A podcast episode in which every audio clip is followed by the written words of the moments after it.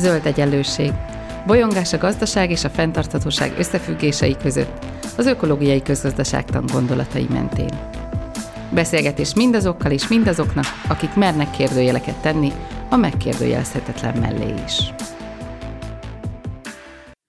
Az MTA Eltelendület új vízió kutatócsoportja 2022-ben arról indított élőben vitasorozatot, hogy hogyan lehet meghaladni a gazdasági növekedés logikáját úgy, hogy mégis nőjön a jól lét.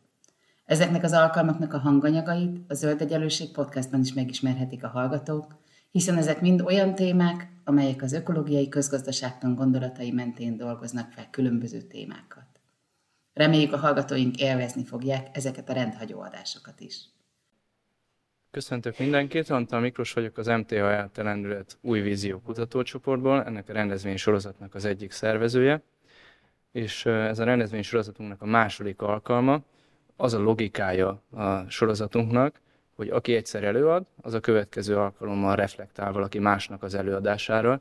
Azt akarjuk ezzel kifejezni, hogy senki se tudja az igazságot, senkinek sincs minden megoldás ott a kezébe. Aki egyszer elmondja, hogy ő mit javasol, az a következő alkalommal mondja el azt is, hogy mit gondol a többieknek a javaslatáról. És ezt a három beszélgetést, ami ebben a fél évben lesz, Benedek Zsófia moderálja, át is adom neki a szót. Köszönöm. Jó napot kívánok! Köszöntöm a jelenlevőket, illetve a nézőket, akik a videón keresztül nézik vissza ezt a, a beszélgetést. Hallottuk, hogy van ez a, a vitasorozat, most itt vagyunk az első évadban, ami az élelmiszergazdaságról szól. Az első alkalommal arról beszélgettünk, hogy milyen lehetőségek vannak a gazdaság szerkezet átalakításával kapcsolatban. Beszéltünk a különböző rövid, illetve hosszú láncok helyzetéről, szerepéről. A mai alkalommal pedig a láncnak a termelési oldalára fogjuk helyezni a, a hangsúlyt. Itt lehet látni, ezeknek az alkalmaknak a menetrendje a, következő. Egy 20 perces nyitóelőadást követően egy kerekasztal beszélgetést hallhatunk majd, és ezt követően pedig egy nyilvános beszélgetésre invitálom meg Önöket. A mai előadónk Bruder Márton agrármérnök, ökológiai gazdálkodó, a Magyarországi Agroökológia Hálózat tagja, és Marci szeretnélek megkérni, hogy tartsd meg az előadásodat 20 percben. Köszönöm szépen, jó napot kívánok, üdvözlök mindenkit. Én szeretnék egy közkeletű előítéletet, vagy mondhatom, hogy városi legendát lebontani, ami a gumicsizmás parasztnak a képéhez kapcsolódik. A gumicsizmás parasztról sokunknak az jut eszébe, hogy hogy azért hord mindig gumicsizmát, mert udvariatlan, vagy modortalan, vagy esetleg igénytelen, és kevésbé jut eszünkbe az, hogy, hogy igenis okkal teszi, ez egy tudatosan választott viselet, jellemzően azért, mert a, a mindennapi munkavégzéshez nagyon sokszor ez az alkalmas eszköz vagy, vagy viselet. Én sem ok nélkül választottam a, mai előadásra a gumicsizmát viseletként. Kettő okom is van rá, hogy így döntöttem. Az egyik az az, hogy, hogy emlékeztessem önmagamat arra, hogy, hogy én itt gazdálkodóként állok önök előtt, nem pedig a tudománynak a képviselőjeként. A másik dolog pedig az, hogy, hogy az előadásomat egy, egy szembeállítással szeretném kezdeni, illetve az előadás első részében szembeállításokat szeretnék tenni a land sharing, illetve land sparing két ideológiai megközelítés kapcsán, és úgy döntöttem, hogy a gumicsizmát választom a land sharing, amit magyarul most területmegosztásként fogok használni az előadás további részében, illetve a land sparing, amit pedig területmegőrzésként fogok magyarul használni.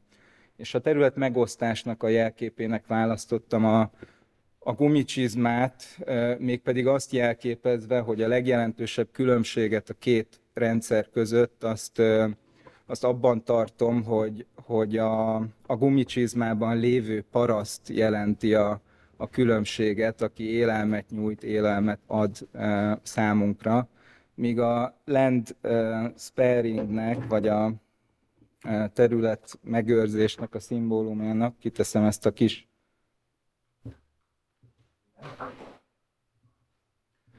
Kiteszem azt a kis traktort, ami talán minden gyermekes családban egy a játékok között legimevő eszköz. A, a traktor szimbolizálja a jelenlegi mezőgazdaságunkat, azt, a, azt az intenzív, alapvetően petrokémiai inputokon nyugvó gazdálkodási rendszert, amiből az élelmünknek a jelentős része származik jelen pillanatban.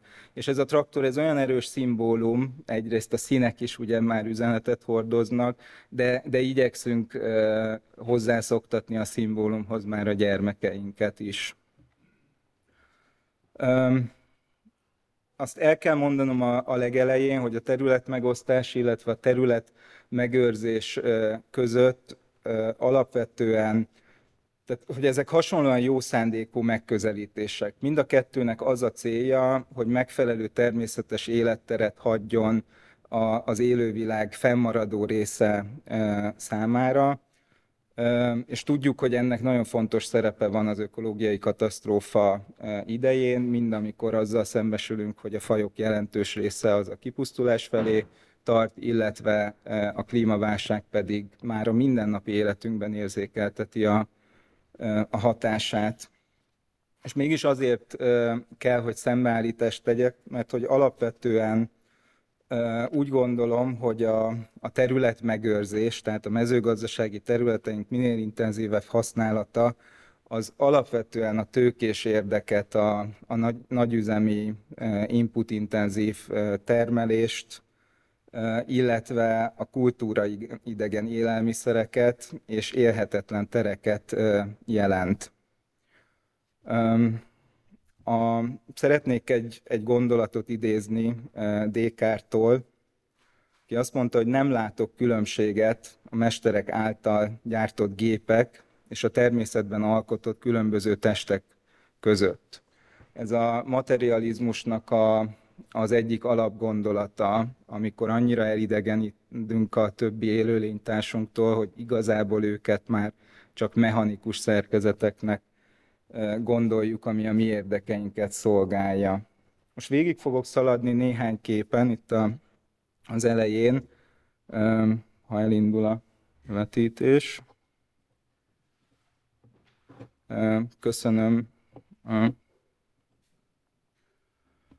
A szembeállításnak egy nagyon szemléletes példája, a legevidensebb az, hogy mondhatom, hogy akár már a holdról is látható különbség, az a táblaméretekben jelentkezik meg. Itt a, a, itt a képen az osztrák-magyar határt látjuk, és egyértelmű, hogy, hogy míg Ausztriában kistáblás mezőgazdasági gazdálkodás folyik, addig nálunk óriási egybefüggő táblák, és ennek a különbsége rajzolja ki a, a tulajdonképpeni határvonalat. Másik nagyon szemléletes példája a, világ legnagyobb sertéstelepe e, Kínában. Innen nagyságrendileg annyi e, sertést e, termelnek vagy hoznak ki egy évben, mint ami Magyarország teljes sertés előállítása. Ez egy másik épülő, 12 emeletes sertésistállatok, és hát egy tér belülről, ahol, a, ahol az állatokat nevelik, illetve hát itt a kocaszállás, látjuk, hogy hogyan nevelkednek ezek a, ezek a jószágok, um, illetve hát ez egy sertéslift, ilyen is van, ez szolgálja, hogy az emeletek között közlekedjenek a, az állatok. Um, most azt szerintem egyértelműen látható, hogy ezek az állatok nem a természetes környezetükben nőnek föl, és alapvetően mindent be kell szállítani hozzájuk. És bár a húsukat elfogyasztjuk, de mégis úgy tekintünk csak rájuk, mint egy élettelen mester által, által gyártott gép. És akkor ezzel szemben a, a terület megosztás az alapvetően egy kultúránkban gyökerező hozzáállás a, a mezőgazdasághoz. Tehát a, amióta az emberiség mezőgazdasággal foglalkozik, azóta létrehozott mezőgazdasági kultúrtájakat, illetve élőhelyeket a gazdálkodási gyakorlata során. És nagyon fontosnak tartom azt is, hogy a terület megosztás az nem csak a természettel kapcsolatos gondolat, hanem, vagy megközelítés, hanem ez a megközelítés szolgálja azt is, hogy az emberi közösségeinket a, az élelemmel kapcsolatban újra tudjuk szervezni.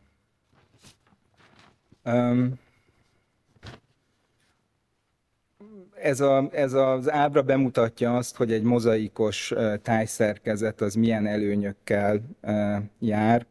A legfontosabb előny, hogy a, hogy a mozaikos tájban létrejönnek a legkülönbözőbb ökológiai fülkék, ahol változatos és gazdag élővilág talál teret magára, így, így ez hozzá tud járulni a biodiverzitás védelméhez, rengeteg ökoszisztéma szolgáltatást nyújt, tehát most említhetem csak a, beporzást, a kártevők kontrollt, tehát olyan pozitív externáliákat, vagy nem piaci hasznokat jelent a gazdálkodó számára, ami a, a gazdálkodási tevékenységet könnyíti meg. És fontos az is, hogy, hogy ez a mozaikos tájhasználat, ez ez nem csak esztétikai élményt nyújt számunkra, de teret ad arra, hogy kikapcsolódjunk, pihenjünk, élelmet gyűjtsünk, és a lelki egészségünket megőrizzük. A saját gazdaságon felett készült ez a, ez a kép.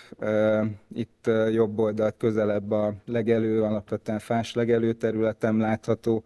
A háttérben most jelenleg éppen ilyen zöld foltként pedig a közel 300 hektáros egybeművelt szántóföldi tábla mutatja azt, hogy, hogy, hogy az, ezzel a, a nagy táblás intenzív mezőgazdasággal hozzuk létre azokat az ökológiai sivatagokat, amik, amik a, a problémát jelentik sok esetben.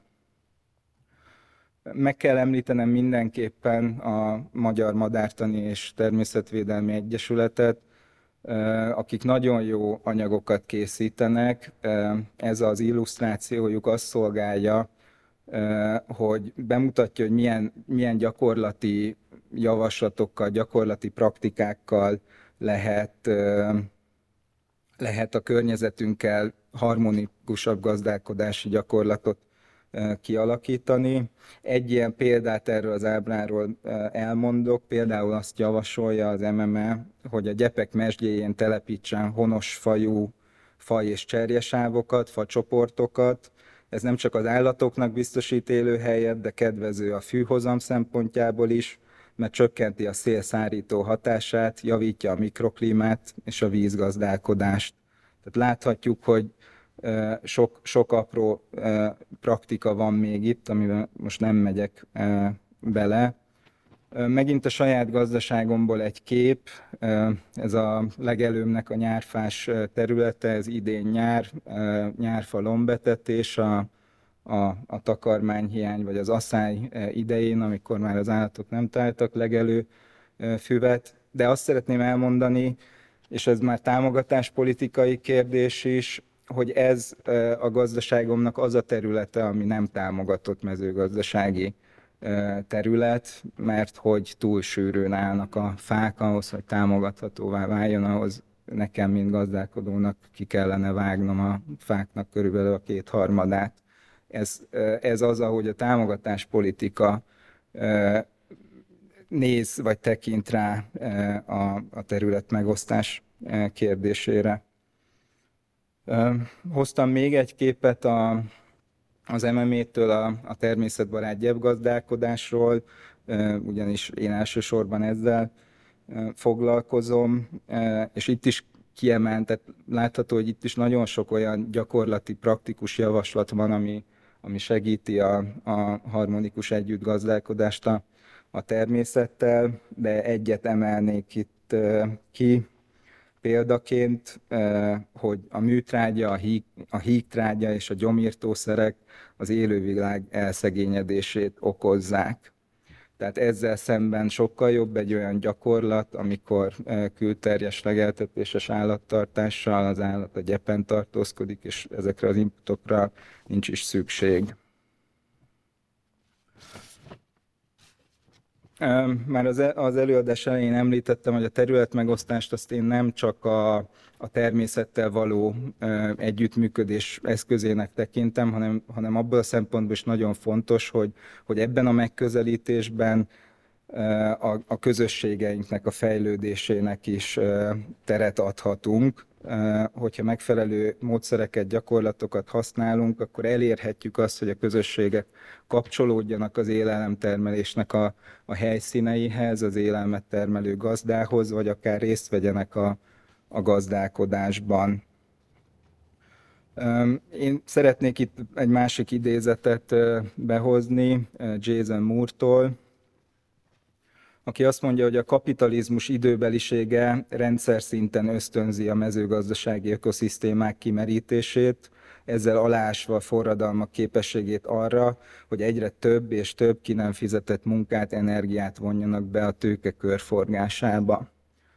Alapvetően különbözik a, a terület megosztás, illetve a terület meg, megőrzésnek a megközelítése abban, hogy a területmegőrzés esetén az intenzív, nagyméretű, nagy outputtal rendelkező telepek, vagy élelemgyárak, vagy mindegy, hogy nevezzük őket, kénytelenül tőkés érdekben állnak, a tulajdonosok jellemzően részvényesek, és ezért ezzel szemben pedig a, a terület megosztás esetén azt feltételezzük, hogy egy adott tájat sok nagy számú gazdálkodó használ viszonylag kis területen, és, és így sokkal igaz, társadalmilag igazságosabb rendszerben zajlik az élelemtermelés. Most hoztam néhány példát arról, hogy a közösségi gazdálkodásnak milyen formái ismertek. Az első a közösség által támogatott mezőgazdaság, ami tulajdonképpen annyit jelent, hogy, hogy a fogyasztóknak egy közössége szerződést köt a, a gazdával, aki az élelmet állítja elő, és hosszabb távra elköteleződik a gazdálkodás irányában. Jellemzően egy szezonra kötnek szerződést a fogyasztók meg a, a, a gazdálkodók de így a gazdának biztos piaca van, tehát ő tudja adni az áruit, és a fogyasztó pedig számíthat a jó minőségű élelemre, ami ismert forrásból származik. Ilyen közösségi gazdálkodási forma a szövetkezeti gazdálkodás, vagy a közösségi földtulajdon, amikor mondjuk szövetkezeti keretek között fognak össze termelők, gazdálkodók, hogy, hogy egy közös termelési rendszerben dolgozzanak. Közösségi földtulajdonra sajnos Magyarországon viszonylag kevés példa van, de Nyugat-Európában nagyon jó példákat le, be, vannak arra, hogy hogyan lehet megszervezni, akár nagy gazdaságokban, tehát több száz hektáron a közösségi föld tulajdonlást. Megemlítem az iskola és közösségi kerteket, amik fontos színterei annak, hogy a, hogy a gazdálkodásról való ismeret, meg a, az élelemtermelés az terjedjen a városokban, illetve a, a fiatalabb generációk között. A közösségi gazdálkodást azt, azt értjük alatt, amikor a közösség is részt vesz a gazdálkodásban, tehát nem csak egy szerződéses partnere a gazdálkodónak, hanem aktívan részt vesz az élelem előállításnak a folyamatában.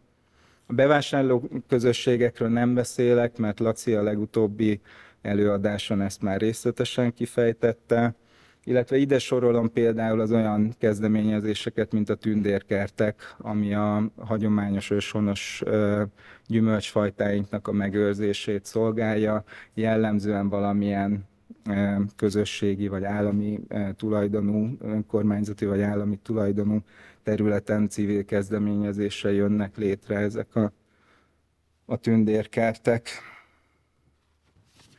És kicsit még szeretnék beszélni arról, hogy a közösségi gazdálkodás nálunk a Cinegetanyán az hogyan zajlik. Alapvetően gyepre alapozott állattartással foglalkozunk, összesen 70 hektáron, több állatfajt tartunk, húshasznú magyar tarkaszarvasmarhát, lóféléket, keskéket, minősített ökológiai gazdálkodást végzünk egy egyébként korábban felhagyott mezőgazdasági területen, permakultúrás és madárbarát gyakorlatokat végzünk, és fontos a rendszerünkben, hogy, hogy helyből értékesítünk egy zárt fogyasztói közösség részére, illetve a tanyánkon egy önellátó zöldségközösség is működik nagyjából 25 főnek a részvételével, akik, akikkel közösen egy 3000 négyzetméteres konyhakertet művelünk, nem parcellákra osztva, hanem közösen szervezve a gazdálkodási tevékenységeket. Illetve fontos számunkra az is, hogy fölvállaljuk azt, hogy, hogy tan- és bemutató gazdaság legyünk, akár a Magyar Permakultúra Egyesületnek a képzési helyszínekként, akár óvodás és iskolás csoportoknak a, a fogadására. A gazdálkodási rendszerünk az a jelentős, fontos, hogy nem olcsó munkaerőre épít, hanem, hanem jelentős és komplex szaktudáson alapul. Nem szerves anyagot vonunk ki a talajból, hanem növeljük a szerves anyagnak a mennyiségét. Nem élőhelyeket szüntetünk meg, hanem növeljük a biológiai sokszínűséget nem mérgezzük, hanem gyógyítjuk a, a talajunkat. A permakultúrás rendszerben nincs műtrágyázás, helyette szerves anyagot trágyát használunk, nincsen e, vegyszeres kémiai gyomírtás, helyette csak mechanikus gyomkorlátozást használunk, nem használunk antibiotikumokat, nincsen növekedési hormon e, használat az állattartásban, nincs inszeminálás, nincsen ösztrogénkezelés, nincsen ivarszelektált sperma használat, nincsen klónozás. Ezek mind olyan gyakorlatok, amik a mindennapjainknak a, a része a, a nagyüzemi intenzív ö, állattartásban, ö, de mégis mindezek nélkül is működhet egy gazdálkodási ö, ö, rendszer. Ennek a rendszernek a hatékonyságát nehéz ö, egyoldalúan ö, megítélni egy mutatóval, leírni, de a, a klímavédelem szempontjából mondjuk azt mondom el, hogy, hogy alapvetően zéró kibocsátású gazdálkodásra törekszünk, a, a villamos energiát azt, azt megtermeljük, fosszilis energiát kizárólag gázolajat használunk, évi nagyjából 1000-1100 liter mennyiségben, ennek a, a gázolajnak az energiatartalma az megegyezik 4000 kg vagy 4 tonna marha hús kalória tartalmával, ami, ami a mi általunk, vagy a mi gazdaságunkban megtermelhető éves marhahús mennyiség. Ezt, hogyha lebontom, akkor ez 11 személynek, a 11 főnek a, az éves kalóriaigényét fedezi, ez, illetve 1400 főnek az átlagos éves marhahús fogyasztását teszi ki, ami nem, nem túl hatékony a mai mezőgazdasági rendszerekkel összehasonlítva. Ráadásul ezt 70 hektár területen tesszük, amiről viszont el kell mondani, hogy ezek mind kizsigerelt, felhagyott mezőgazdasági területek, amit nem területmegőrzés célral hagyták fel a gazdálkodást, tehát nem azért, hogy ott egy természetvédelmi területet jelöljenek ki, hanem azért, mert egyszerűen kimerült a talajnak a termőképessége, és ezek a módszerek nem tarthatóak fönt. Tehát mi egy, egy kalória marhahús előállításához nagyjából egy kalória fosszilis energiahordozót használunk, és emellett két kalória megújuló energiát jelenzdálkodásban. Ez viszont nagyon hatékony összehasonlítva a jelenlegi mezőgazdasági gyakorlatokkal, eh, ahol átlagosan 15-20 fosszilis kalória szükséges ahhoz, hogy egy fogyasztható kalóriát állítsunk eh, elő, sőt, extrém esetekben pont egyébként a szarvasmarha ízlalásnak, a, vagy eh, tenyésztésnek a területén ott akár 50 fosszilis kalória is elégetésre kerül egy fogyasztható kalória érdekében. Tehát ebből a szempontból mondjuk jók vagyunk. És legvégül én még föltennék egy, egy kérdet, hogy mi a teendő, hogyan tudunk e felé, a mezőgazdasági gyakorlat felé ellépni. Csak nagyon röviden azt szeretném kiemelni, hogy a legfontosabb a, a hagyományos tudásnak a, a megőrzése, a tudásátadás, illetve a képzés lenne, és erre kellene nagyon nagy energiát fordítani annak érdekében, hogy ne tűnjön el az az alapvetően kistermelői, paraszti, gazdálkodói réteg, akiből sajnos egyre kevesebb van ma Magyarországon, meg a világon. Köszönöm szépen a figyelmet.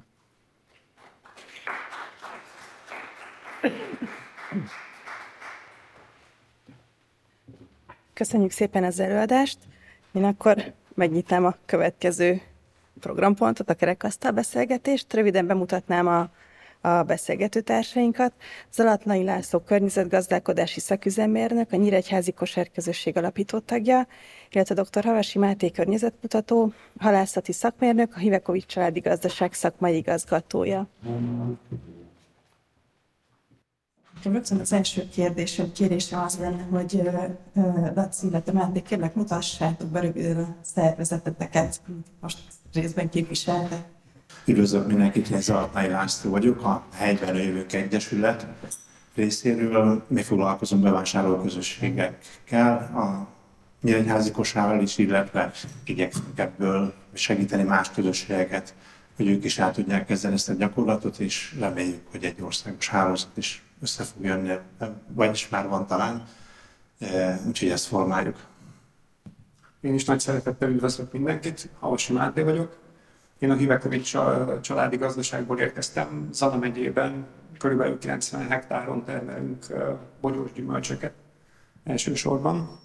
És majd a harmadik részén ennek a, az előadás sorozatnak, a mai előadásnak egy kicsit az ellenpontját próbálom meg bemutatni, hogy ez valami és ellentétes közelítési mód.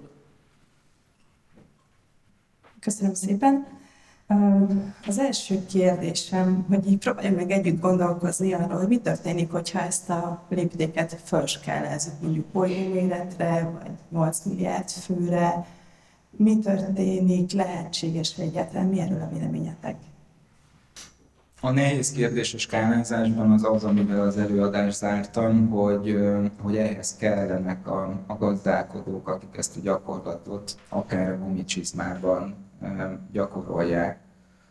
Nagyon könnyű az, hogy, hogy nagy gépekben, meg ipari technológiával, automatizált üzemekben állítunk elő élelmet, de alapvetően a terület megosztás megközelítés ez nem működik akkor, hogyha nincsenek, nincsenek parasztok, akik, akik végzik ezt a, a munkát. És nagyon rosszak a tendenciák. Tehát Magyarországon az elmúlt 30 évben, mondhatjuk a rendszerváltás óta, eltűnt a, a gazdálkodóknak a négy-ötöde, és nem lassul a folyamat egyáltalán, tehát minden mezőgazdasági összeírásban azt látjuk, hogy, hogy egyre kevesebb gazdálkodó végzi ezt a tevékenységet, és már azoknak a gazdálkodóknak a száma, akik vegyes gazdálkodással, állattartás és növénytermesztéssel is foglalkoznak, ez lassan 2000 alá csökken Magyarországon, tehát lassan ritka, mint a fehér holló és ezt a, ezt a tendenciát kellene megfordítani, nem csak, nem csak országosan, hanem globálisan is,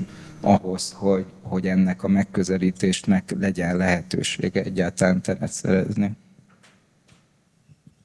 Én azt gondolom, hogy ez a kérdés ez nagyon beletalál a dolgok közepébe, hiszen a land sharing, land sparing párosnak az egyik alapvetése az az, hogy mit kezdünk a rendelkezésünkre álló földterülettel. Tehát ez alapvetően egy skálázási kérdés. Lehet, hogy egyik jobban működik kis léptékben, másik nagyobb léptékben. A kettő közötti fő különbséget én abban látom, alapvetően ahhoz, hogy természetközeli, ezzel azt hiszem, hogy újat nem mondok senkinek, ahhoz, hogy természet kímélő módszerekkel gazdálkodjunk, ahhoz a rendelkezésre álló területet minél nagyobb mértékben be kell fogni. Tehát, hogyha alacsonyabb hozam szintekkel dolgozunk, több területre van szükségünk értelemszerűen. A statisztika azt mondja, hogy jelenleg az elérhető földterületeknek körülbelül 70%-át már művelés alatt tartjuk. Tehát itt a nagyon nagy kérdés az az, hogy milyen módszerekkel tudunk 8 milliárd embert csökkenő termőföldkészletek mellett és csökkenő vízkészletek mellett hosszú távon ellátni élelmiszerrel. Na, akkor folytatom a sort, mert Azért van itt egy másik kérdés, hogy vajon miért kell minden mezőgazdasági termelésre alkalmas területet bevonni. És az egyik válasz az, hogy növekszik a népesség, de van azért másik válasz is, hiszen ma mezőgazdaságot nem csak élelmiszertermelés címén végzünk, hanem mondjuk energiatermelés címén, fontos hogy ipari nyersanyagok termelése címén. És nagyon fontos, az előadásban is benne volt, hogy ma a tőke érdek egy nagyon fontos dolog, amire oda kell figyelni. Én egy kicsit ezt pontosítanám is, mert, mert nem csak a tőkéseknek, hanem a tőkének a, a a működéséből vagy a jellegzetességéből következik. Ugye a mezőgazdaság, az élelmiszer termelés az alkalmas a profit termelésre. Ezt onnan lehet tudni, hogy nem tudom ki milyen gyakran nézze postaládáját, és mennyi szóróanyag van benne, ami különböző bevásárlóközpontokba invitál bennünket. Nyilván ez egy profit, profitábilis tevékenység, és ha ez így működik, akkor megérné élelmiszer termelni. Ugye itt ez egy nagyon izgalmas kérdés, hogy a profit az kinél keletkezik. A mezőgazdásznál, a termelőnél keletkezik, vagy nem. Ma nagy részt nem ott keletkezik, nyilván vannak kivételek ez alól is. Tehát, hogy valamilyen érdekes dolog, hogy meg akarunk oldani egy ökológiai, meg ellátási kérdést, úgy, hogy közben van egy csomó olyan szempont, amit szerintem még ér, vagy figyelembe kell venni. Tehát, hogy mire is használjuk a, a, azt a területet, amin mondjuk élelmiszer is meg tud ö, teremni. Miért kell nekünk ennyi energia hordozót ö, előállítanunk, miért kell ennyit felhasználni. Tehát, hogy ö, amikor a, ez, a, nagyon sokféle tényező együttesen hat, és ö, keressük a megoldásokat, akkor lehet, hogy nehéz lesz ö, úgy gondolkodnunk, hogy csak néhány módszerre, megoldási javaslatra terjesszük ki a figyelmünket, hanem lehet, hogy érdemes lenne a gondolkodásban, a párbeszédbe bevonni azt, hogy mondjuk mit kezdünk azzal, hogy a mezőgazdaság az egy profit orientált eh, gazdasági forma. Hm? Nekem még azért, nekem még azért a különböző szerkezetek kapcsán az is hm, beugrott, hogy érdemes lenne a mit termelünk kapcsán arról beszélni, hogy a húsfogyasztásnak a mértéke, ha mennyire van szükség, vagy azt milyen forrásból szerezzük be. Tehát ez is azt gondolom, hogy egy megkerülhetetlen kérdés. Um, Beszéljünk még egy kicsit a, a felskálázásról.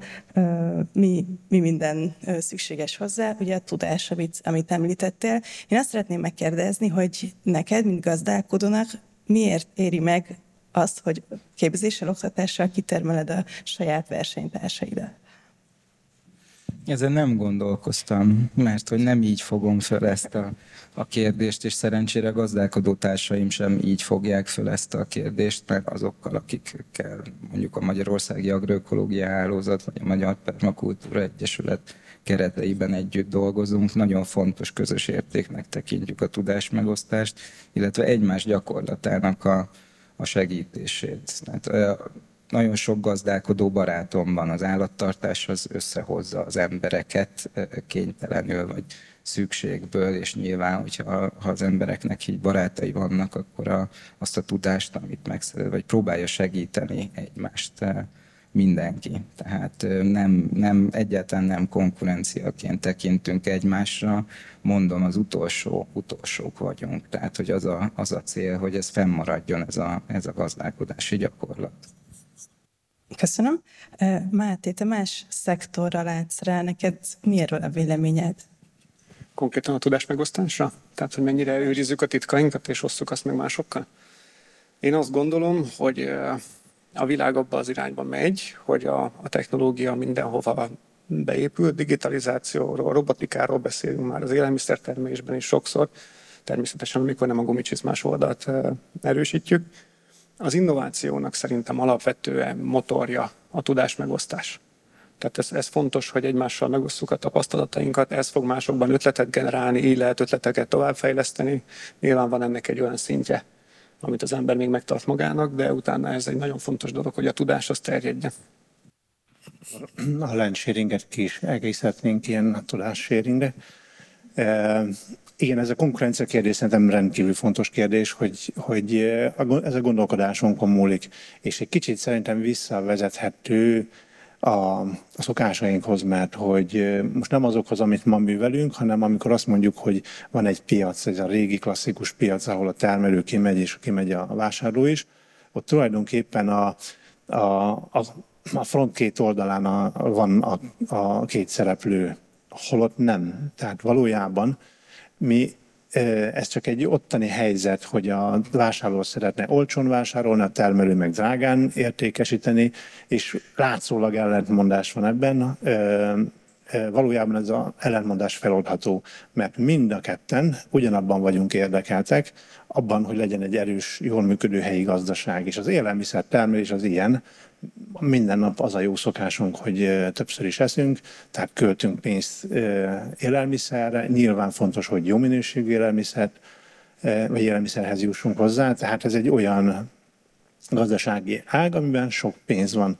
Na most, hogyha adott esetben a termelők át tudják lépni ezt a határt, hogy, hogy nem a szomszéd asztalon értékesítő az én konkurenciám, hanem az a nemzetközi élelmiszerhálózat, amit mondjuk élelmiszerhálózatnak hívunk, de lehet, hogy tőkebefektetési hálózatnak célszerűbb lenne hívni, hiszen az jobban jellemző rá, csak ők megtalálták a, a, a nagyon sokféle ipari vagy gazdasági szektoron belül az élelmiszert, mert hogy ez egyébként egy jó ö, iparág, vagy egy jó gazdasági ág.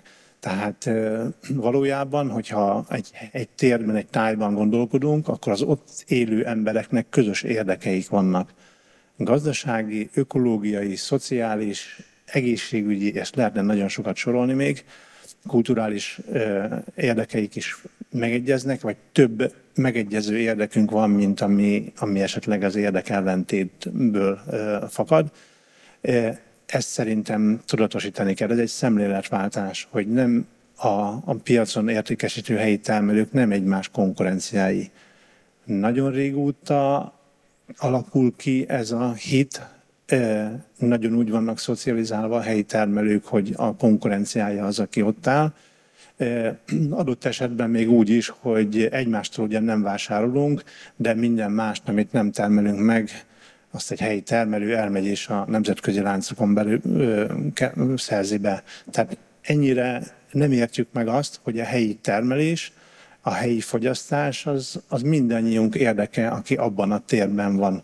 Valójában azt kellene követni, hogy csak azt fogyasztjuk, ami helyben van. És akkor, hogy, hogyha ezt megértjük, akkor jön az, hogy hogy lehet ezt jobb minőségben csinálni. Hát együtt megosztjuk a tudásunkat, és én egyébként miután ezzel a témával foglalkozok egy kb. tíz éve, olyan sok nagyszerű technológiát ismertem meg, meg tudást, ami itt Magyarországon jelen van, mind a termesztés technológiában, mind az élelmiszer, tartósítás és feldolgozás terén, hogy, hogy hihetetlen, tehát hogy állandóan nem győzök csodálkozni, megörülni, hogy ez itt van, és közben látom, hogy ezekre ma nem jut pénz. Miért nem jut pénz? Mert mi olyan emberek, akik nem termelünk, meg egyébként akik termelnek, azok is, azoknak nagy része is, ugye nem mindenki minden termel, tehát egy zöldség termelő, az a húsért elmegy a, a bevásárlóláncba. Tehát addig mi alapvetően nem helyi élelmiszerre költjük el a pénzünket, addig nagyon nehezen lehet megtalálni ehhez szükséges finanszírozást, de ez egy szerintem jó hír, mert itt egy picit kell változtatni, és, és a helyi gazdaságban lesz elég pénz. És mi a véleményetek arról, hogy ez részben ágazat specifikus dolog, részben pedig, részben pedig bizonyos mérettel lehet összefüggésben? Akár az, hogy versenyhelyzet, tudásmegosztás, tehát hogy ezek a kérdések, ezek hogy függenek így össze? Én talán ezt a kérdést onnan közelíteném meg, hogy, hogy ez egy ilyen ez egy ilyen téves megközelítés valójában. Tehát, hogyha megnézzük, hogy kik a magyar gazdálkodóknak, mondjuk a magyar tehéntartóknak, tejtermelő gazdálkodóknak a valódi versenytársai, akkor, akkor azt látjuk, hogy ez egy nemzetközi multinacionális cég, a Friesland, ami a magyar tejpiacnak hozzávetőleg a 40-50 százalékát uralja ami valójában egy holland parasztoknak a szövetkezete, tehát 30 ezer holland tehéntartó állattenyésztőnek a tulajdonában áll. És akkor, akkor már látjuk is, hogy, hogy hatékonyságban is mekkora különbséget jelent az, hogyha, hogyha összedolgozunk és együtt dolgozunk azzal szemben, mint hogyha egymást versenytársaknak tekintjük csak. Tehát a piaci logika az úgy tűnik, hogy nem mindig, vagy minden esetben a hatékonyságnak a, a vele járója. Nagyon jó a kérdés. Én azt hiszem, hogy erre egy rövid is is lehetne válaszolni. Valószínűleg volumen és ágazatfüggő is a dolog valamelyest. Én sem a halászati ágazatban, sem a gyümölcskertészetben nem tapasztaltam azt, hogy túlságosan zárkózottak lennének a, a termelő partnerek egymással szemben.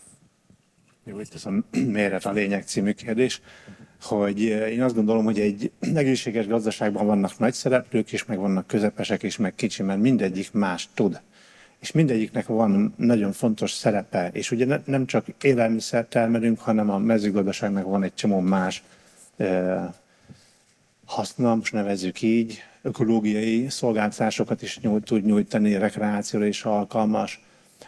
Nem mindegy, hogy hol tanul a következő generáció, tehát hogy az, hogy, az, hogy egy, egy, egy tájban, mondjuk egy Magyarországi országban milyen arányban vannak a kicsik, a közepesek és a nagyok, és ezek hogy férnek hozzá a piachoz, mert amúgy itt, itt a kicsik, közepesek, nagyok, ez nem csak arra arra a kérdésre kell feltenni, vagy arra a szempontra, hogy ugye a termelés, hanem mondjuk a kereskedelem szempontjából hogy néz ki. Mert azt látom, hogy vannak nagyon-nagyon jó szaktudással rendelkező, hazai kézben lévő közepes vagy nagy birtokok, akik nagyon jó minőségű élelmiszert tudnak előállítani, viszont ők erre specializálódtak.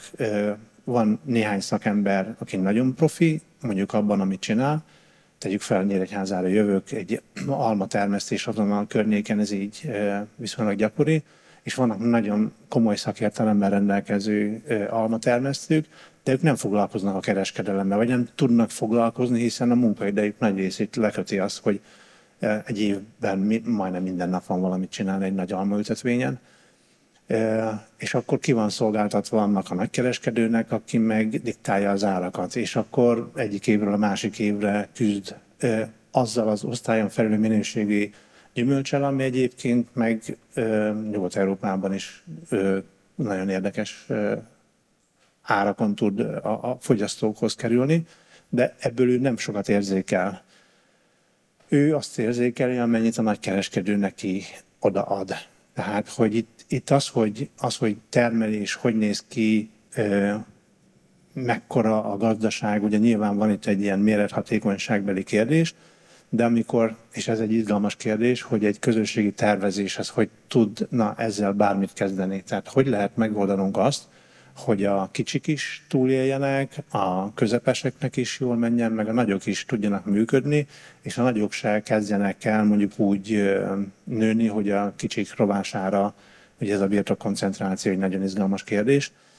És azt hiszem, hogy ez már nem egyéni gazda, vagy egyéni földtulajdoni kérdés, hanem ez közösségi kérdés. Tehát milyen jogi szabályzókat alkalmazunk, milyen gazdasági szabályzókat alkalmazunk, hogyan igyekszünk ezt a közös munkamegosztás eh, révén létrejött értékeket elosztani. Ezek, ezek így megnyitnak ezek a, a, ezek a kérdések, hogy mekkora ez a méretgazdaságosság, hova lőjük be, ez egy csomó más társadalmi gazdasági kérdést von magával.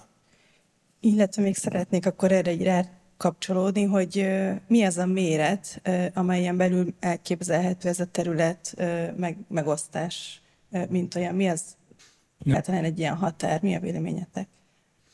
Nem teljesen értem a kérdést méret szempontjából. Egy gazdaságnak a mérete, vagy hát erre azt tudom elmondani, amit el szoktam máskor is mondani, hogy én úgy tapasztalatom, tapasztalom, ez az én saját meglátásom, hogy nagyjából olyan 30 hektár területet vagyok képes én eh, nagyon alaposan, nagyon részletekben menően ismerni, tudva, hogy hol milyen növény nő, hol milyen gomba jön, hol az állatok mit csinálnak. Tehát ez a körülbelül naponta bejárható területméret. És én ezért mondom azt, hogy ez a, ez a 30-50 hektáros lépték az, ami egy gazdálkodó számára átlátható, mélységében átlátható. Persze aztán vannak eltérések akkor, hogyha valaki mondjuk zöldségtermesztéssel, vagy gyógygyümölcs termesztéssel foglalkozik, akkor biztos, hogy nem, nem, ez, a, nem ez a lépték, hanem ennél kisebb, de, de alapvetően szántóföldi növénytermesztésben, állattartásban én, én úgy gondolom, hogy valahol itt van az ideális méret. Egyrészt én azt gondolom, hogy szempont az, amit Marci is felhozott, tehát mi az a területi méret, amit egyáltalán adott rendszerben, adott eszközökkel művelni lehet, illetve nem mindegy, hogy miről beszélünk, tehát a szarvasmarha termelésnek teljesen más a területigénye, mint ha mondjuk házingulat állítok elő, vagy éppen málnát. De ezek a kérdések termelési rendszertől is nagyon függenek. Ugye az előadásban is többször elhangzott, hogy intenzív termelés, és ott egy nagyon végletes példa lett megragadva az átrendszerű sertéstenyésztés intenzifikálni is nagyon sokféleképpen lehet. Már egy intenzívebb termelésről beszélünk akkor is, ha kapcsolt rendszereket kötünk össze. Tehát például az agroerdészet is egy, egy intenzívebb forma. Ez, hogy milyen rendszerben gazdálkodunk, az meghatározza, hogy ez milyen mértékben lehet gazdaságos, vagy milyen mérettől, és nyilvánvalóan az aktuális piaci helyzet térben és időben egyaránt. Bennem még az is felmerül, hogy milyen tulajdonviszonyokkal jár mindez. Ugye te egyetlen ember által bejárható területméretről beszéltél, te családi gazdaságra látsz rá, tehát vajon ennek van szerepe? Egyrészt ebből a szempontból, tehát hogy milyen méretet érdemes fenntartani, másrészt milyen méret mentén lehet környezetkímélő módon gazdálkodni. Én alapvetően azt tartom szerencsésnek, hogyha a földhasználó és a föld tulajdonosnak a személye az megegyezik. Elsősorban abból a logikából kiindulva, hogy, hogy jellemzően kultúránkban gyökerezően a gazdálkodás az egy több generációs családi megélhetési forma, tehát a, a birtok szerencsésebb országokban, akár évszázadok, vagy, vagy akár ezer éven keresztül egy családban öröklődik és, és épül föl. Egy alpesi gazdálkodónak az ott lévő infrastruktúra, amit, amit megteremtett, az úgy jött létre, hogy a nagyapa fölépítette a, a házat, az apuka megépítette az istálót, a fiú meg a, a, a fejőházat, meg a tejcsarnokot tehát, hogy generációkon keresztül halmozódik föl e, a, a tudás is, a tapasztalat is, meg a szükséges infrastruktúra is, és ehhez szükséges az, hogy, hogy, hogy a földtulajdon, e, a használt földterület tulajdonjog az öröklődjön, illetve egészen más szemmel néz, vagy úgy gondolom, hogy máshogy gazdálkodik a, egy olyan területen az ember, ami tudja, hogy majd a, a jövőn megélhetését is, a gyermekének a megélhetését is szolgálni fogja, tehát védenie és őriznie kell. Esetemben ez nem így van egyébként, mert hogy én bérelt területeken gazdálkodom, de ez mondjuk ebben a szemléletben rajtam nem változtat, de mégis például nem tudok olyan, olyan beruházásokat eszközölni, amit megtennék akkor, hogyha tudnám, hogy hosszú távra számíthatok a terület használatára, és így bizonyos dolgokat nem csinálok meg pusztán azért, mert és a megtérülés, amivel kalkulálok, az nem három-öt év, hanem akár ennél sokkal hosszabb, de hát a földbérleti szerződésnek az időtáván túl van, tehát abban már nem, nem tudok belefogni. Itt ugye ennél a kérdésnél előjön a földhöz jutás lehetősége is, amit többször feszegettünk. Az első diáján Marci is bemutatta, hogy a határ egyik oldalán nagy táblás gazdaságok vannak, a másik oldalon kis táblás gazdaságok. Um, erre azt hiszem a mi gazdaságunk egy nagyon jó példa. Zala megyében Dimbes dombos a táj, kicsi táblaméretek vannak, ami 90 hektárunk nem egy egybefüggő uh, tömb, hanem a falu körül elszórtan, amihez éppen sikerült hozzájutni. A családnak abban uh, tevékenykedünk, dolgozunk, ez nem mindig szerencsés. Tehát itt nem csak a méret, hanem a, a térbeli szerkezet is egy fontos kérdés lehet.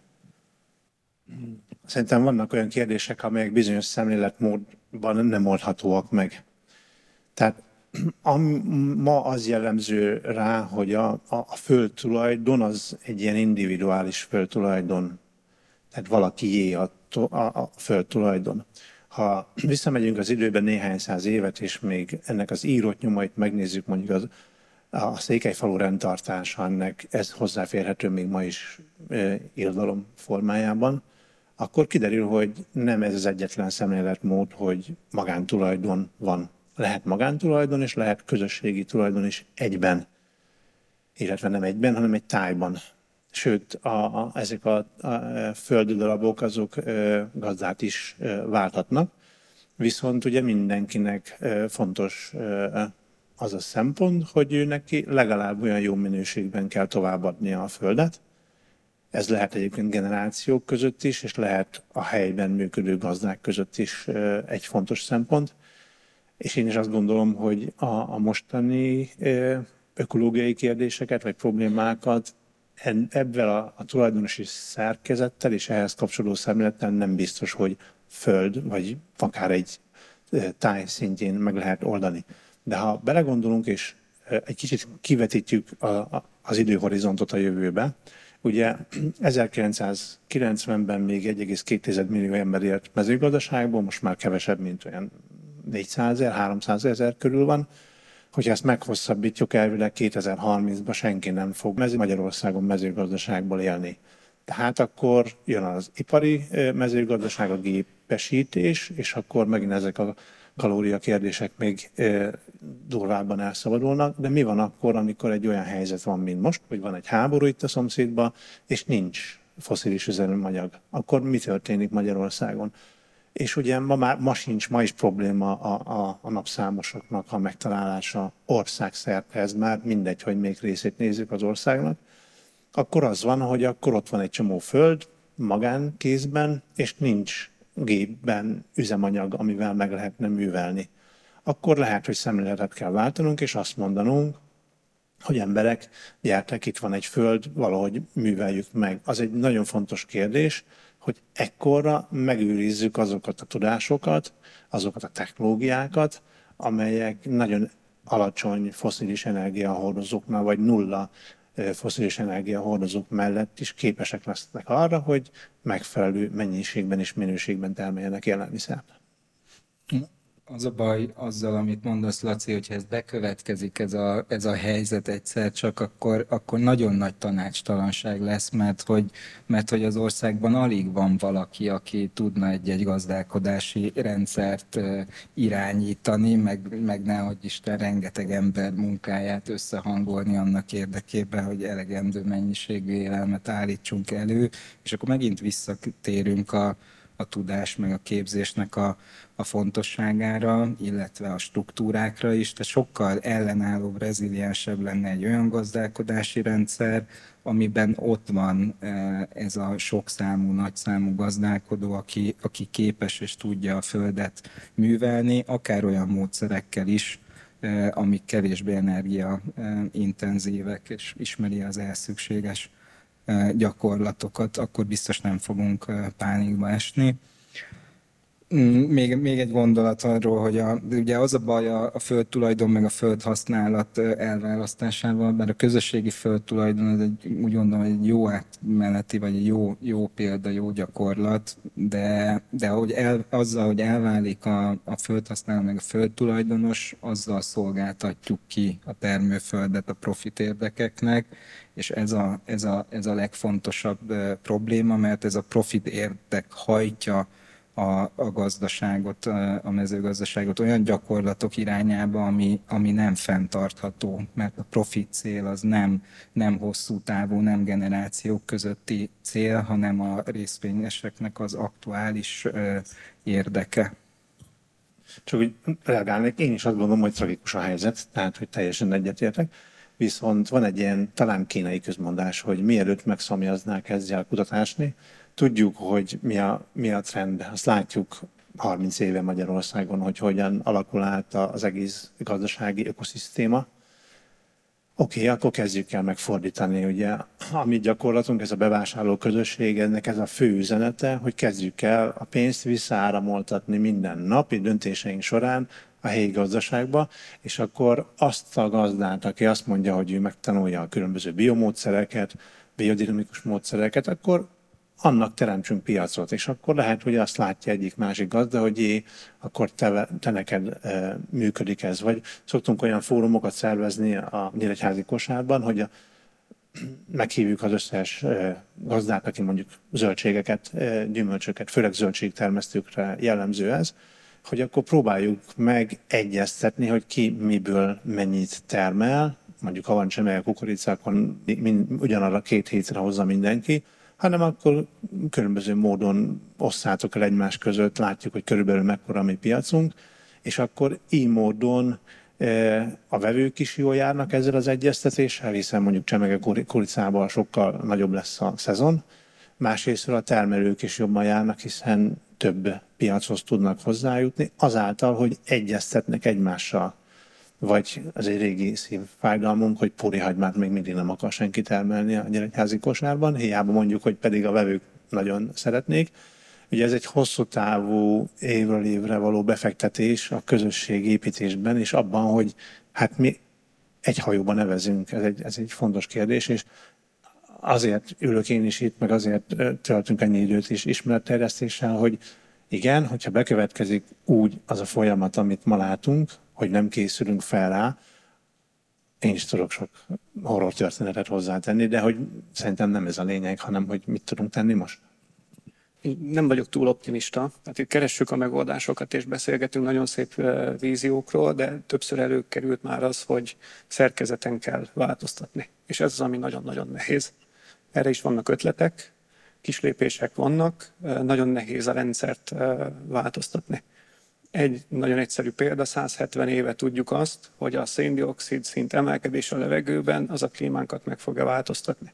170 éve nem nagyon csináltunk semmit, ülünk a klímakrízis kellős közepén. Tehát amíg a tőke határozza meg a lehetőségeket és a profit a célokat, addig nagyon-nagyon nehéz ebből a rendszerből elmozdulni, én azt gondolom.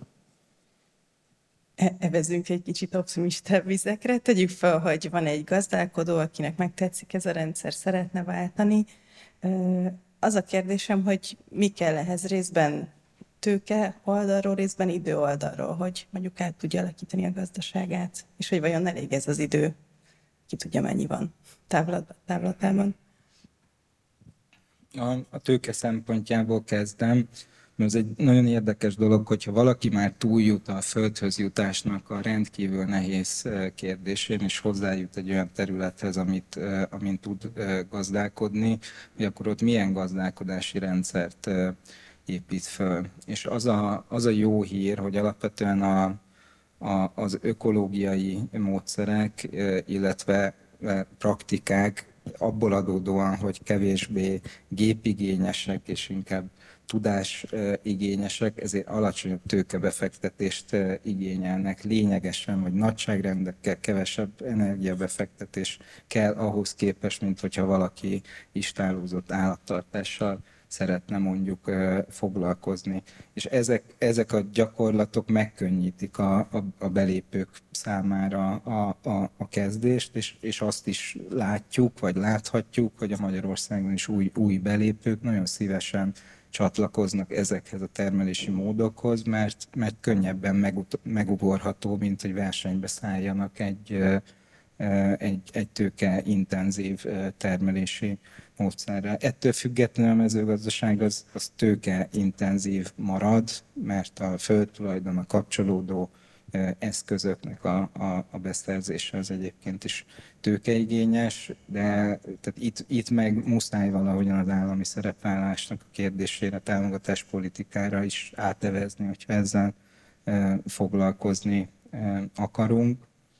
Reagálok, mert egyébként szerintem a legnagyobb befektető mi magunk vagyunk, és a saját egészségünk érdekében megéri helyi gazdaságba befektetnünk a pénzünket, és minden nap megtehetjük ezt. Tehát ez a legegyszerűbb szerintem hogyha közelebb megyünk ehhez a tőke kérdéshez, akkor még egyszer látjuk, hogy az élelmiszertermelés ez egy profitábilis dolog.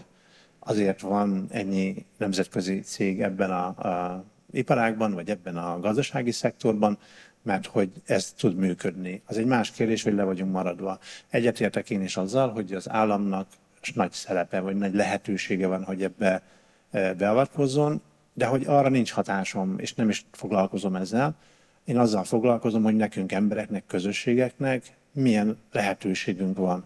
És akkor megcsinálhatjuk azt, hogy egy-egy termelőt közösségi finanszírozás segítségével nem adományt adunk nekik, hanem azt mondjuk, hogy összegyűjtünk emberektől pénzt, adunk, odaadjuk a termelőnek, és utána a technológia fejlesztés eredményeképpen létrejött új terméket, odaadjuk azoknak az embereknek, akik ezt finanszírozták. Ez, ez jogilag működik, van erre nagyon sok jó nemzetközi gyakorlat, mi nekünk is van néhány tapasztalatunk már ezzel kapcsolatban.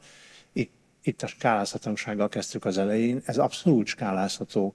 Tehát minél több ilyen közösségi megoldás van, annál több tőkét lehet visszaforgatni abba a, a környezeti szempontból is átgondolt mezőgazdasági gyakorlatba, sőt azt hiszem, hogy minél rosszabb élet vagy élelmiszerhez jut hozzá a magyar lakosság, annál nagyobb azoknak az embereknek az aránya, akiknek a szó szerint létkérdés, hogy milyen minőségi élelmiszerhez jut hozzá.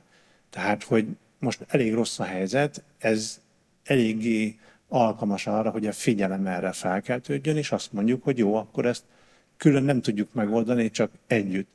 Van egy ilyen hasonlatom, amit, amit használok a, a magyar vidéki mezőgazdaság leírására, ez a tátos paripát tudom használni. Aki ismeri a magyar népmeséket, akkor a tátos paripát, amikor meglátjuk, az ott fekszik a istáló sötét zugában, és lábra se tud állni.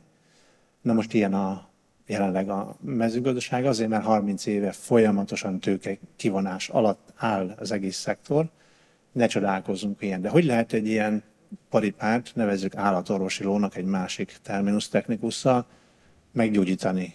Nem lehet minden betegségét egyszerre kezelni, de életben kell tartani, és itt egy kicsit, ott egy kicsit mindig javítgatni, javítgatni, és eljön az az idő, amikor, amikor megváltozik ennek a, ennek a gazdasági ágnak a, a, a szerkezete, megváltozik a jellege, de nem azért, mert egyik napról a másikra, hanem szép, fokozatosan mindig egy kicsit jobban van. És ennek a folyamatos állásos hatását már azok élvezhetik, akik ezzel foglalkoznak. Mert ha azt mondom, hogy befektetek egy biodinamikus gazdaságba, vagy egy biogazdaságba azzal, hogy, hogy jó, akkor kezd el tanuld meg, állj át, és akkor abból a, a, a gyümölcsből, abból a húsból, abból a zöldségből már én kapok, hiszen én vagyok a befektető, én nekem nem forint lesz a profitom, hanem az, az, az a magasabb minőségi élelmiszer. És ezt meg lehet csinálni, ehhez nem kell semmi, ehhez néhány ember összedugja a fejét, szétnéz a világban, jó minták vannak, nem kell mindig mindent előről kitalálni, de persze én mindenkit biztatok arra, hogy maguk minden közösség találjon ki dolgokat, hiszen amin egy-egy közösség eh, átdolgozza magát, az a mások számára egy, egy tudássá válik, és akkor ezeket a tudásokat egymással meg tudjuk osztani, akkor ez nem kell mindig azokat a tanulási folyamatokat végig búdácsolni, hanem sokkal gyorsabban, ha tetszik, felskálázott módon tudunk ebben előre haladni.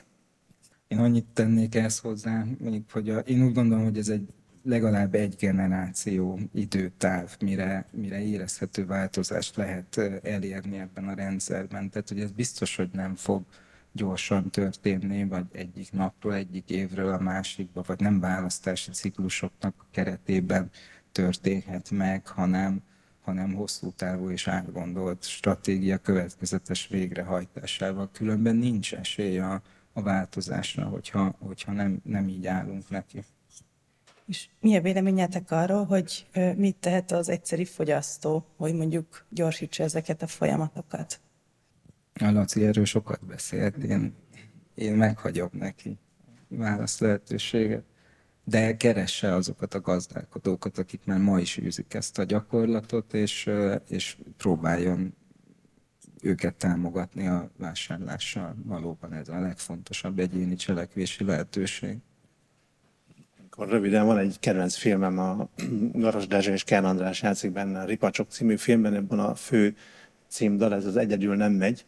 Ez szerintem teljesen igaz erre is, hogy illetve hát mégis lehet egyedül, mert kimehetek mindig a piacra, és ott vásárolhatok, de ha belegondolunk, már ott sem vagyunk egyedül, hiszen ott vannak a termelők, és ott van egy csomó másik ember, aki még életben tartja azzal, hogy működteti a piacot, hogy kiáll, a klasszikus helyi piacot, ami nagyon sok városban és falun már nincs. Tehát akkor itt most az a helyzet, hogy akkor hogyan lehet újjá szervezni ilyeneket, és erre nagyon igaz, hogy egyedül nem megy. De a egyedül nem megyben van egy nagyon csodálatos dolog, hogy együtt viszont igen. És mindig azt szoktam mondani, hogy ha mi Nyíregyházán sikerült megcsinálnunk e, ilyen 10-15 embernek egy bevásárló közösséget és 10 éve működtetni, akkor ez máshol is sikerülni kell. Tehát, hogy semmi különös nincs nálunk, máshol sincs semmi különös, illetve hát mindenhol mind, egy csomó különös dolog van.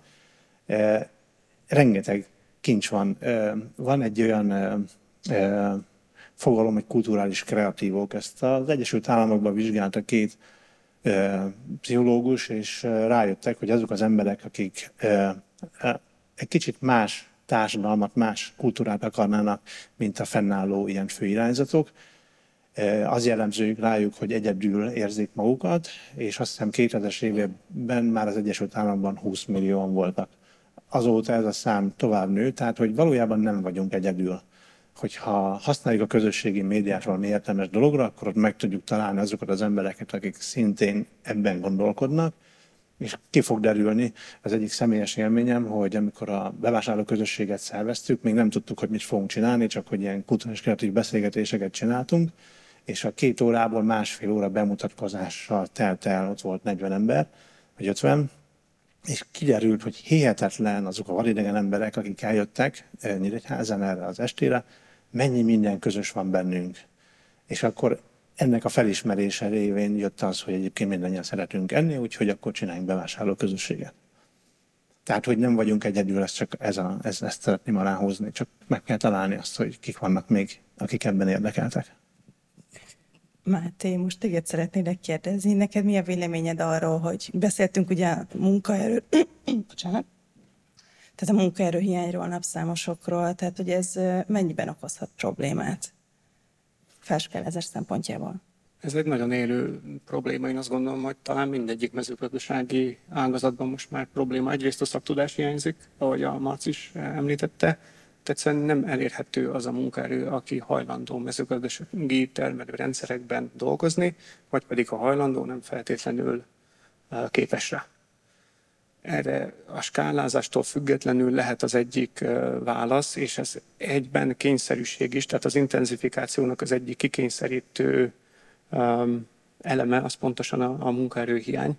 Ezért is megyünk részben a, a robotika, a digitalizáció, gépesítés irányába rendszer szinten.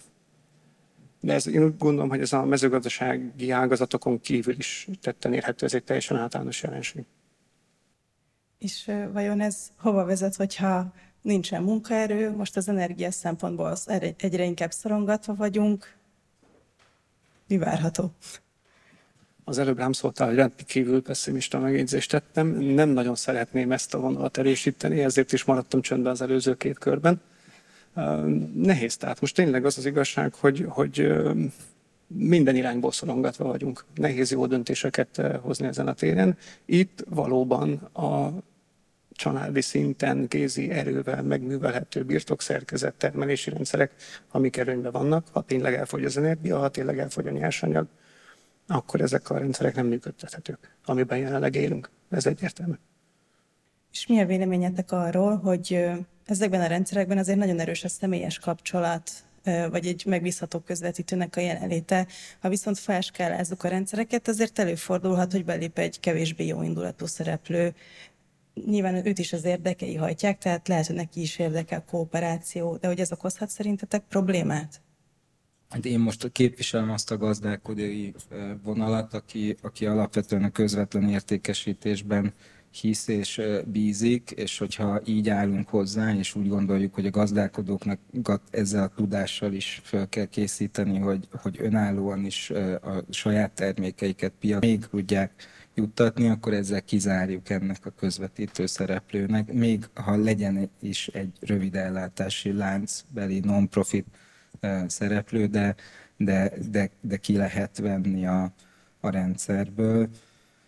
És szerintem alapvetően az lenne a cél, hogy, hogy olyan, olyan gazdák, tehát az a, az a közösség által támogatott mezőgazdálkodás, a közösségi gazdálkodás, tehát hogy azokat a, a gazdálkodási együttműködési formákat kell e, támogatni, meg előnyben részesíteni, amik megteremtik a közvetlen kapcsolatot a fogyasztó meg a, a termelő között, és akkor majd a termelőnek is, vagy a, bocsánat, a fogyasztónak is megjön majd a kedve, hogy ő is otthon a, a balkonon, vagy a kertben, a kis konyhakertben elkezdje a zöldségtermesztést, és akkor lépegessen a, az önellátás, önellátó gazdálkodás irányába, mert hogyha valóban azt feltételezzük, hogy ilyen állapot felé eh, közeledünk, ahol a jelenlegi mezőgazdasági gyakorlatok azok valamiért nem lesznek tovább fenntarthatóak, akkor szükségszerűen mindenkinek eh, föl kell ásnia a szép eh, angol pázsitot a kertben, és akkor el kell kezdeni ott répát meg hagymát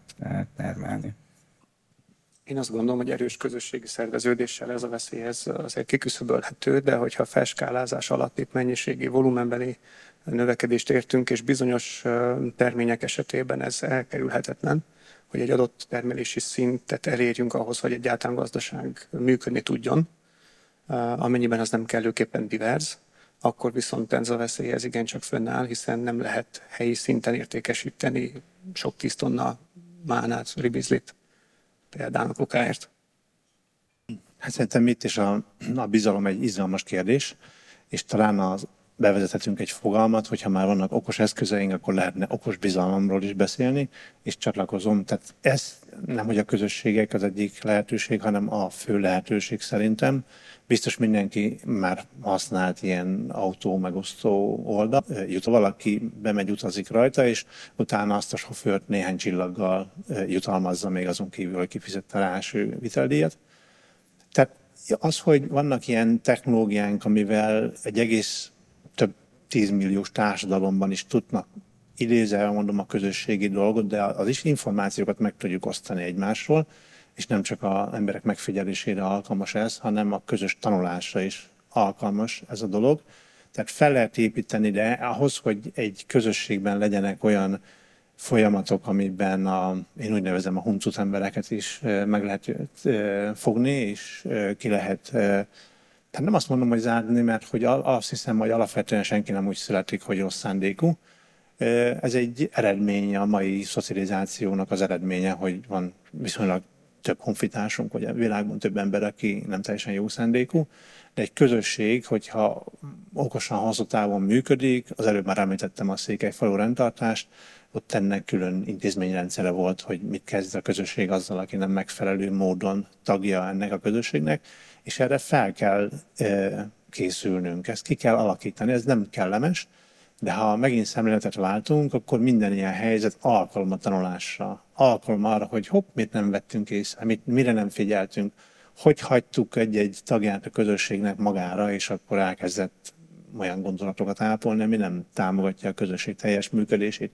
Igazából ez egy, én úgy fogom fel, mint egy immunrendszer, mint ahogy egy élő rendszernek van immunrendszer, egy közösségnek is kell, hogy legyen immunrendszere, és az immunrendszer akkor erős, hogyha időről időre rendesen meg van próbálva. Tehát igazából nem is baj, hogy vannak ilyen emberek, inkább az a baj, hogy, hogy nem hiszünk abban, hogy a közösségi rendszerek működnek, talán már ez az individualizáció nagyon ö, mélyen ö, áthatott bennünket, viszont ezzel nincsen gond, csak most már talán ezt e, ugyanezzel egy, e, ezzel a lendülettel ez a közösségi működés is jó lenne, hogy háthatna.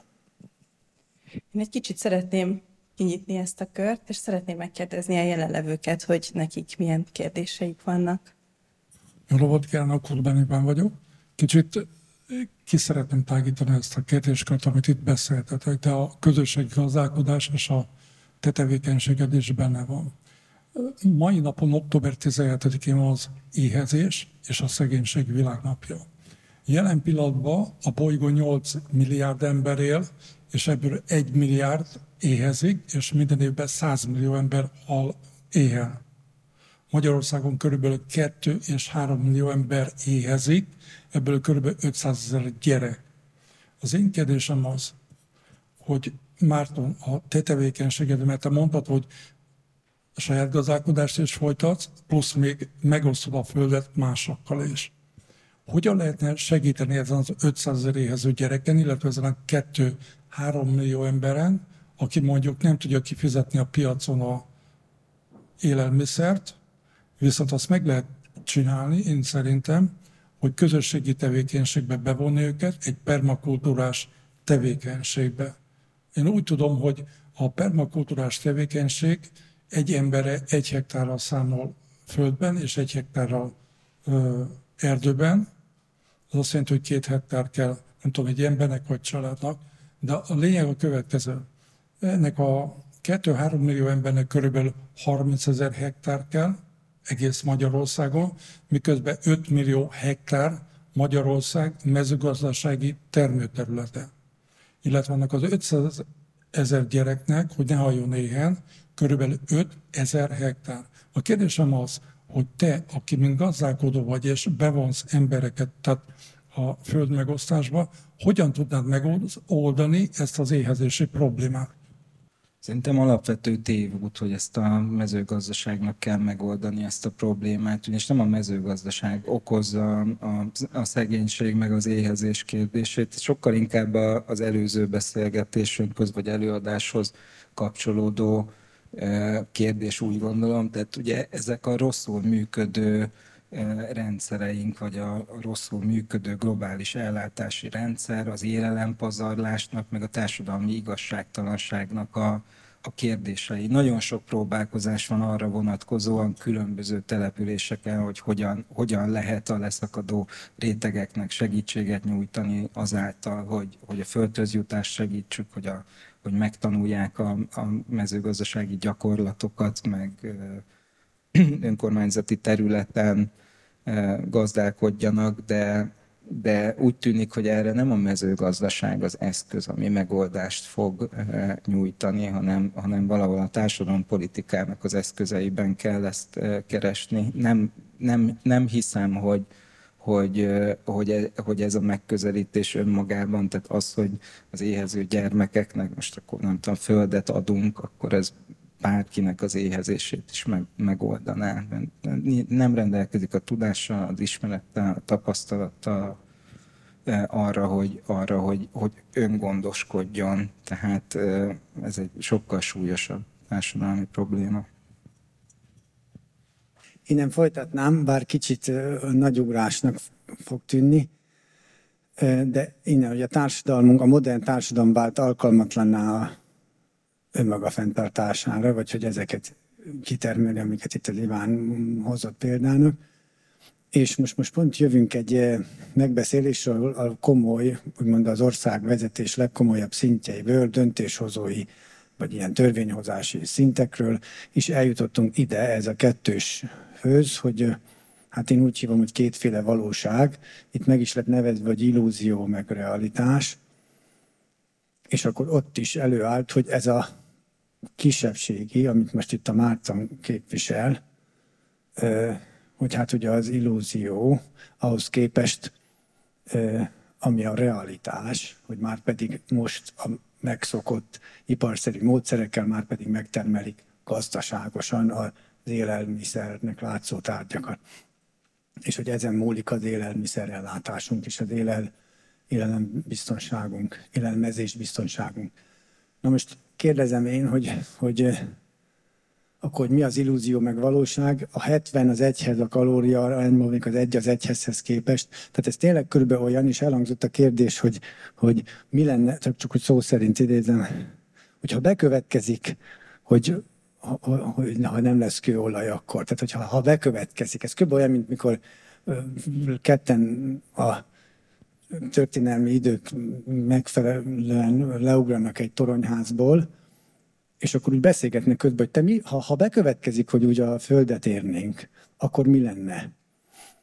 Tehát ez, ez nem ha bekövetkezik, hanem ez szükségszerűen a becsapódásnak, hogy hívjuk, egyrészt becsapódás lenne, másrészt pedig, pedig úgy beszélünk róla még most is itt 2022 végén, hogy na hát, hogyha mi lenne, de hát tulajdonképpen nem reális, tehát teljesen fel van fordulva a, a köztudás abból, hogy mi az illúzió, meg mi nem az. Tehát a, a mostani ö, realitásnak látszó tehát e, e, ezt a világot elfogadja a realitásnak, és ehhez viszonyít utána, és az alternatívákat pedig illúziónak mondja, pedig ez a mostani realitás, ez közgazdaságilag is mindenhogy máshoz, egyébként 50 éve publikáltan, ugye gondolok a növekedés határaira, be van bizonyítva, hogy nem reális.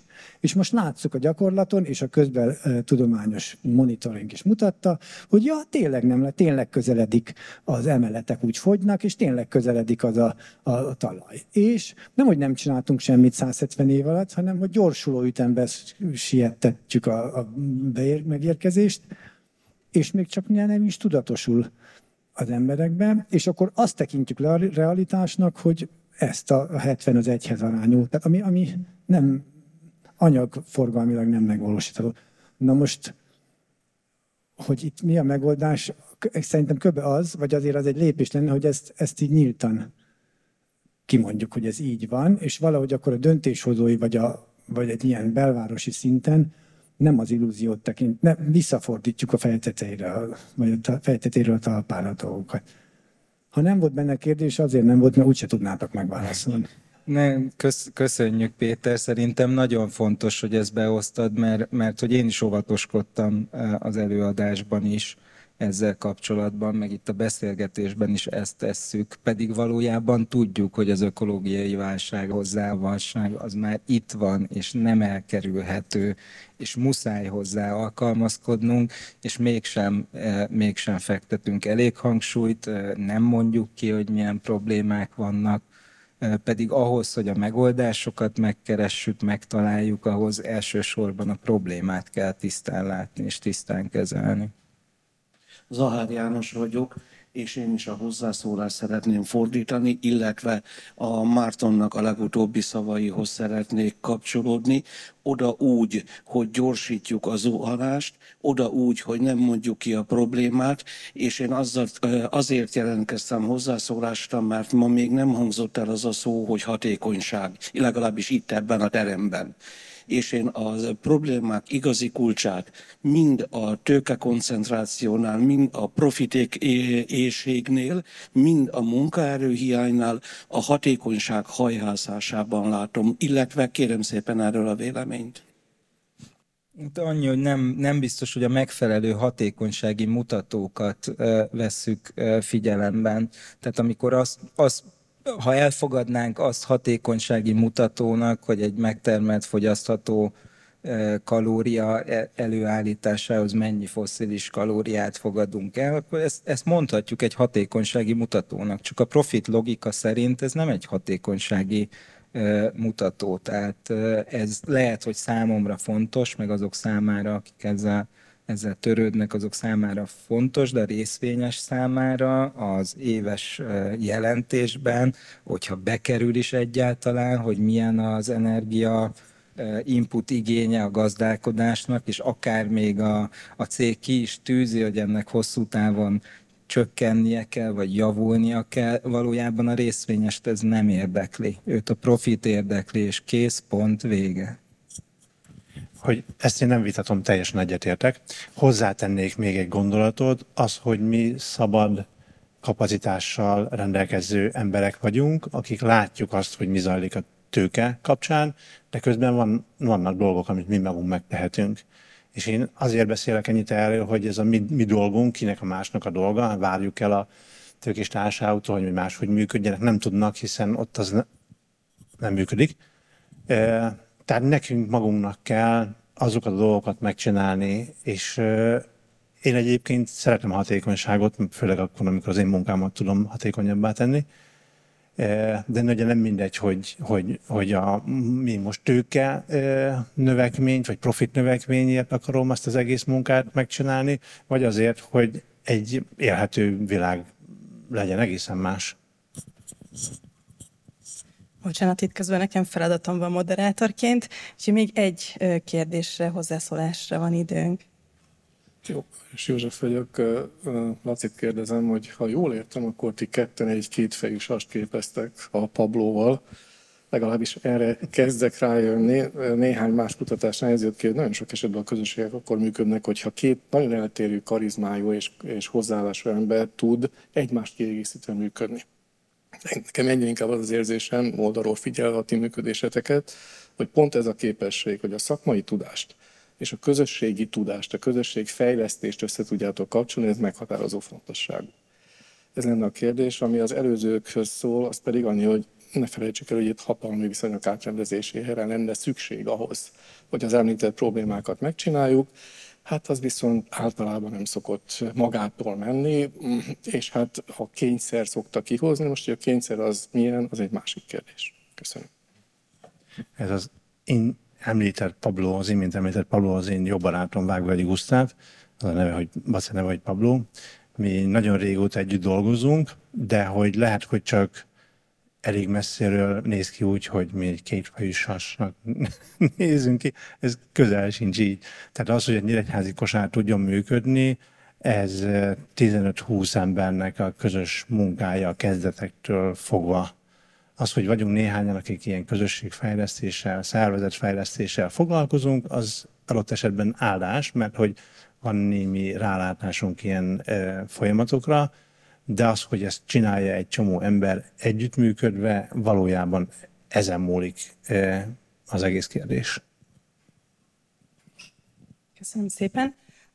Mielőtt hazamenne mindenki, néhány gondolatot így kihangosítanék, összefoglalnám egy kicsit a, a maiakat, szorgalmasan jegyzeteltem.